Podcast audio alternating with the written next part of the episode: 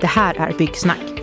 Podden om kampen mot slöseriet i byggprojekt där vi pratar med branschprofiler och ger tips om hur du kan arbeta mer effektivt i dina projekt. I detta avsnitt träffar Webforums VD David Björk Viktor Broberg från Infobrick. Viktor är affärsområdesansvarig för Infobrick Field och medgrundare av BuildSafe som nu är en del av Infobrick. I avsnittet pratar Viktor och David om begreppet falsk digitalisering, att det finns en stor utmaning av samordning i byggprojekt och varför pratar man inte om fort och fel i byggprojekt? Men inte minst pratar de om de spännande resultaten från Digitalbarometern som tas fram av Infobrick varje år. I Digitalbarometern tar Infobrick tempen på hur det går för den svenska byggbranschens digitaliseringsresa och vilka utmaningar som branschen upplever.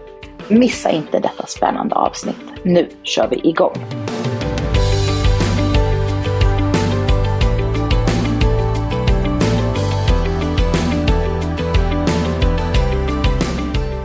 Hej och välkomna till det senaste avsnittet av Byggsnack. Idag gästas vi av ingen mindre än Viktor Broberg från Infobrick. Viktor är affärsområdesansvarig för Infobrick Field som tidigare hette BuildSafe. Kan, välkommen Viktor! Stort tack! Kul att ha dig här. Kan, kan inte du berätta lite om det här med, med BuildSafe som sen blev del av Infobrick och så här, var, var, var du kommer ifrån? Självklart. Nej, men, eh, från allra första början så jobbade jag mycket med förändringsarbeten och implementering på stora tyngre bolag som ville digitalisera sig och eh, grundade 2015 det som då hette BuildSafe som du var inne på tillsammans med fyra andra. Och eh, har väl sedan dess jobbat primärt med hur man kan digitalisera frågor kring arbetsmiljö och hantering av avvikelser i byggprojekt. Och sen så eh, konstaterade vi som många andra inom bygg att Eh, det behöver ske mycket mer samarbete mellan de olika digitala lösningarna på arbetsplatserna och att det sker väldigt mycket förändring för byggprojekten. Och i samband med det då så hittade vi Infobrick som en partner att tillsammans digitalisera arbetsplatsen. Så att vi gick in i Infobrick i slutet på 2020. Just det. Och där finns det då andra bolag som har kommit in och som har blivit en del av familjen, så att säga, eller hur? Ja men precis. Så att Buildsafe pratade mycket om att eh, skapa säkra byggarbetsplatser. Infobrick som grupp pratar ju mycket om eh, fokus på att få en produktiv, säker och hållbar byggbransch. Så att vi är ett antal tidigare då produkter som jobbar med de olika frågorna i olika avseenden. Så vi har allt ifrån vem får komma in på byggarbetsplatsen och hur sköter de sig aktivt på arbetsplatsen? Vilka utbildningar har de? Hur sköter de sin ekonomiska status och liknande? Till mer aktörer som fokuserar på att optimera nyttjandet av maskiner, utrustning och fordon. Och allt som sker egentligen mellan byggarbetsplatserna. Just det. Och vi har ju träffats tidigare och konstaterade väl då för flera år sedan att vi hade lite liknande tänk. Att vi båda pratade om att förbättra och effektivisera eh, byggprojekt fast från lite olika håll. Helt rätt. Där ni, ni kom då mer, kanske mer från sajt och vi kom mer från kontoret om man ska uttrycka sig lite slarvigt. Men, men mycket handlar om samordning, effektivitet, kontroll, ordning och reda och eh, få saker att funka. Ja men verkligen. Jag tror vi kom ju från början från hur man kan förenkla administrationen ute på byggarbetsplatsen. Men kontentan av det blir ju vad kan man mäta eller vad kan man dela för information för att skapa trygghet tillsammans med sin kund. Och det var ju mycket där vi träffades i gränssnittet. Mm. I vilken information behövs för att både förstå vad som sker men också vad som har skett liksom, efter byggprojekt. Ja. Så att absolut. Ja, men bra. I, i, enade i kampen mot slöseriet i byggprojektet. Fantastiskt. Eh, och ni, eh, har ju eh, som en del av det här arbetet så har ni ju eh, kört en grej som heter Digitalbarometern. Mm. Va, va, hur uppstod den? Ja, men mycket av eh, vårt fokus som du var inne på har ju legat i liksom fältet eller göra det enkelt ute i byggprojekten. Och en stor del av det är att introducera digitala verktyg för personer som inte har jobbat med digitala verktyg förut. Och det vi då kallar Customer Success, där vi egentligen är en hjälpande hand till byggprojekten liksom, i det här arbetet. Och för oss har det varit väldigt viktigt att förstå både vad de ser för barriärer när de ska digitalisera, men också vad det är för andra områden de vill digitalisera parallellt så att vi kan ja, men vara lyhörda för det och kunna hantera det när vi utbildar. Men sen också såklart för oss själva att utvecklas mot de områden där det finns störst behov. Ja, så att med det sagt så har det ju blivit väldigt nyttigt inom ramen för Infobrick. Ja, vad kul. Och, och innan vi kliver in lite mer på, på Digitalbarometern. Mm. just det här kring customer success och få, få ut det här på, alltså få arbetssätt att fästa. Och så, vad, vad, har ni, vad har varit svårast i det? Eller vad är svårast när man ska få det här att funka? Ja, men det är ju att eh, ja, men det första uppenbara såklart är att det är väldigt mycket olika företag som ska vistas på en arbetsplats. Det är många individer som kanske gör sin roll för första gången och att försöka koordinera och samordna det där. Man vill ju gärna göra en utbildning vid rätt tillfälle. Men när det kommer in nytt folk varenda vecka så är det ganska svårt att tajma det. Liksom. Och hur ser manskapskurvan ut och när kan vi börja liksom, få in de här stötarna? Eh, så den är, ju, den är ju ganska självklar i sig, liksom, att man behöver komma åt. Eh, det andra är ju att eh, ja, kunna lite målgruppsanpassa det budskapet också. Där man ofta är ganska olika fas. Det är väldigt enkelt att gå in och digitalisera ett bolag som har jobbat mycket med administration där du kan få ganska snabba vinster i att de sparar tid, det höjer förtroende i implementeringen. Men det är desto svårare om man inte har jobbat innan administrativt och dessutom måste ändra beteenden samtidigt. Då faktiskt adderar man ju en börda när man också implementerar de digitala verktygen. Och då är det ju betydligt mycket svårare att snabbt få gensvar. Jag förstår. Det, ja, men det, låter, det låter rimligt. Har, har ni något hemligt grepp här då för att hantera just det här att folk tenderar att ramla in över tid på, på, i ett byggprojekt? Ja, men det är ju att eh, göra en eh, utbildning i samband med att man direkt kan få liksom, en tidsvinst. För oss är det som jobbar med ganska mm. mycket frågor i våra verktyg. Så alltid börja med the quick wins där man snabbt till exempel kan gå ut och spara tid i en eh, rond eller en inspektion. Så att du gör utbildningen precis innan, de går samma dag, går ut, hittar avvikelser, hanterar avvikelser, bygger förtroende. Liksom. Det är den ena. Så, så snabba effekter? Exakt. Och den andra är ju mer då att eh, inte fokusera på de frågorna som berör mer kanske samordning och koordinering på arbetsplatsen förrän det börjar komma in många bolag. Så vänta med den typen av utbildning. Så det har ju varit en jättevinst i att komma in i Infobrick som har koll på vilka som befinner sig på arbetsplatsen och att kunna tajma utbildningar när de behövs som mest. Ja, ja men då förstår jag. Och eh, om man titta på Digitalbarometern då som är en väldigt eh, en jättebra rapport tycker jag. Väldigt intressant eh, och, och kul, att, kul att läsa. Eh, så den kan jag varmt rekommendera för er som inte har sett den. Ehm, hur, hur har ni kunnat använda er av resultat från den här studien i ert eget arbete? Ja, men dels såklart att kunna belysa tror jag framförallt vad projekten ser för barriärer och kunna ha den dialogen med mer de centrala stödfunktionerna och resurserna som vi jobbar med. Att hur ser både era kollegor men också era leverantörer på digitaliseringsutmaningarna och mer informativt syfte. Liksom att eh, skapa sig tiden där den behövs och att inte glömma bort att det är viktigt att lägga tid på till exempel utbildning av verktyg. Liksom. Eh, den andra är ju mer, tror jag, för oss själva också att eh, kunna kanske tona ner vissa utmaningar som man har sett som stora utmaningar som många pratar om. Till exempel tilltron till ens kollegor eller leverantörer i digitaliseringen. Den barriären är oftast mycket högre rankad på centrala funktioner kontra de som är ute i projekten. Att i projekten så tycker man att man kommer mycket längre än vad man faktiskt tycker centralt. Så att när ni då pratar med projekten så behöver man inte lägga kraft där utan då Ja men exakt, då tycker jag att på de här tre åren vi har gjort den här rapporten att man ser att det verkligen rör sig i rätt riktning och att pandemin har medfört ändå ganska mycket digitalisering i, i termer av att man har kommit mycket längre på de frågorna. Just det, det, det har vi också sett väldigt tydligt. Från att ha varit här, svårt att ibland ens få till ett Teamsmöte eller till att det är självklart och att man absolut har digitala verktyg. Ja men verkligen. Um, Bra. Och eh, om man tittar en, en finding där som, som eh, i en viss dimension sticker ut lite grann var ju eh, där, där man pratar om tydligare kravställning, förbättrad uppföljning från beställarsidan. Eh, och det pratas i rapporten om ett område som har potential att förbättra leveransen i hela värdekedjan. Mm. Eh, vad, vad är det som gör att, att det här är en återkommande utmaning? För den, eh, den, den fanns ju med tidigare, liksom i tidigare utgåvor av rapporten och verkar vara kvar. Som...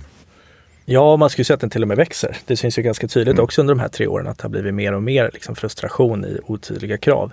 Och det är nog väldigt mycket av välvilja från beställarna. Jag tror att du och jag är medskyldiga i det också, att utbilda mycket i kundens möjlighet att påverka och att definiera arbetssätt och och krav på digitalisering, vilket är jättebra. Men har man inte kunskapen i hur de kraven kan få konsekvenser om de är felställda så kan det bli ganska besvärligt och utmanande för entreprenörerna.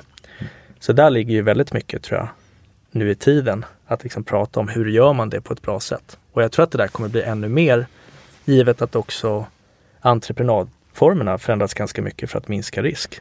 Det är svårt att lägga ut en total entreprenad och uppskattat pris utan det blir mycket mer samverkan och att tillsammans hantera utmaningarna. Och då kommer beställarna behöva jobba ännu mer med den här frågan. Just det, det låter också då som att då går ni ner en nivå från att bara prata generellt om att det måste vara eh, bättre kravställning generellt. Utan det kanske är mer att på vissa områden behöver man ställa vissa typer av krav. Så att man går ner i, i detaljnivå så att säga på vad, vad det ska ställas för typ av krav på olika områden, tolkar jag det som. Ja men exakt. Ta webbforum i ett typexempel på att kravställa kring information man behöver från projektet och som man behöver efter att projektet är avslutat.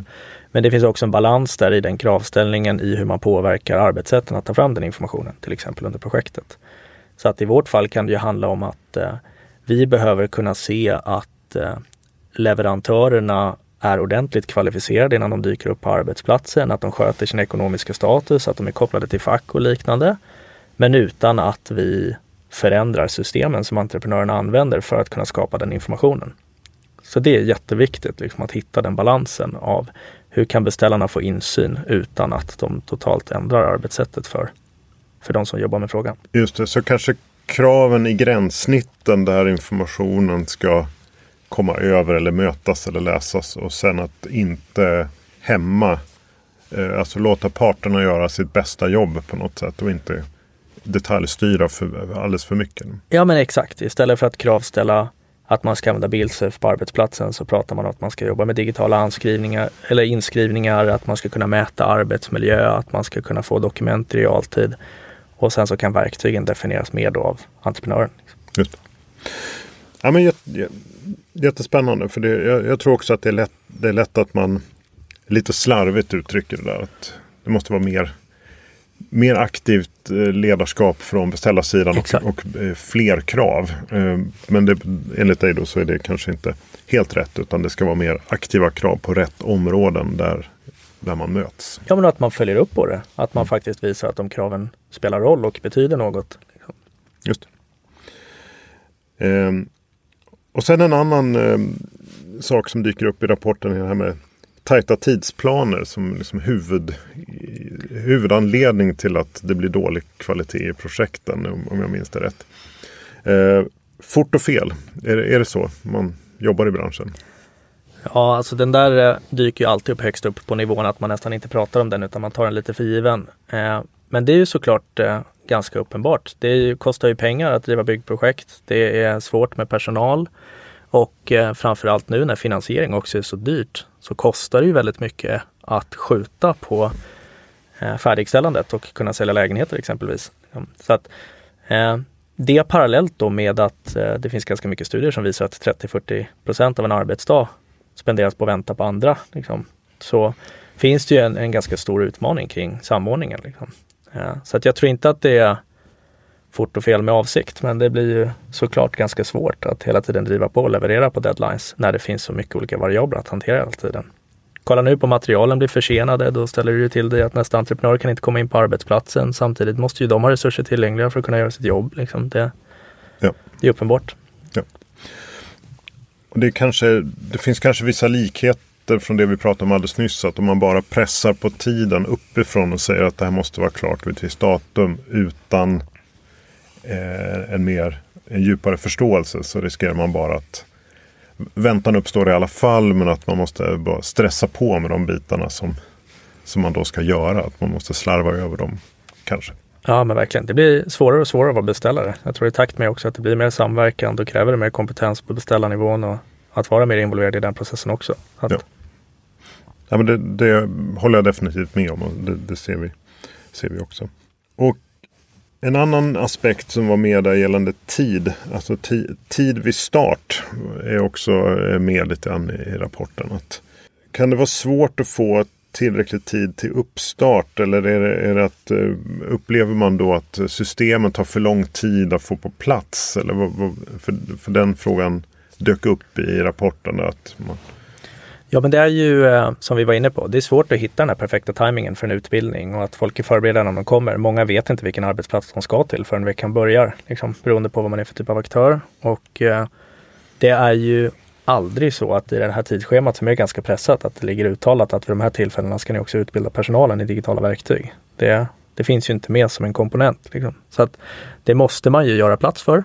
Eller så måste man mycket tydligare förankra att innan ni kommer till arbetsplatsen så ska ni ha tagit del av den här formen av utbildning eller onboarding ja. för att kunna jobba med digitala verktyg.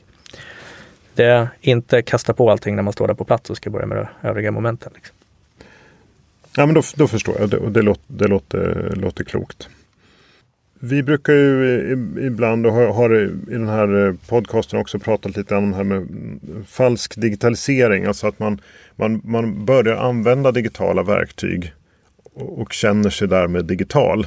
Mm. Eh, men man missar kanske nästa nivå, det vill säga att man ska kunna utbyta information med varann och att man, man använder sig av antingen gammaldags system eller som är stängda och låsta som är kanske för anpassade. Och, så kommer man inte vidare därifrån. Eh, är, är, det också någonting som, som ni ser om jag får ställa en ledande fråga? Eh, ja, men, och det är ju eh, intressant när också kopplat till rapporten, för det pratar vi nog inte så mycket om i rapporten, men man får ju när man gör rapporten ange vilket företag man är ifrån. Just för att företaget ska ha möjlighet att kunna få se vad vi fått för input, liksom, utan att specifikt nämna vem det är. Och det är ju de bolagen vi betraktar som mest digitala har oftast lägre på upplevd digitaliseringsgrad för att förväntan är helt annorlunda. Så att det är nog absolut det du är inne på att de som precis har kommit igång, rapporterar lite tid, liksom känner en trygghet i att jag gör saker digitalt. De har en annan förväntansnivå, och känner sig ganska nöjda att ha nått dit. Liksom. Ja. Så att nej, definitivt nu också som Infobrick med att jobba många verktyg ute på arbetsplatsen så ökar också förväntan och ambitionen kring vad man kan göra med den informationen.